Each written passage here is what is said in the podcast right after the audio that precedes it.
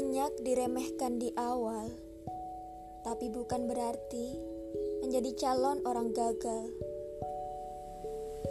Pun banyak mendapatkan pujian, bukan berarti menjadi cikal bakal kesuksesan. Sukses tak hanya untuk mereka yang menjadi pusat perhatian, tapi pun layak untuk mereka yang tak perlu mendapatkan tepuk tangan tapi namanya sudah tersimpan dalam ingatan.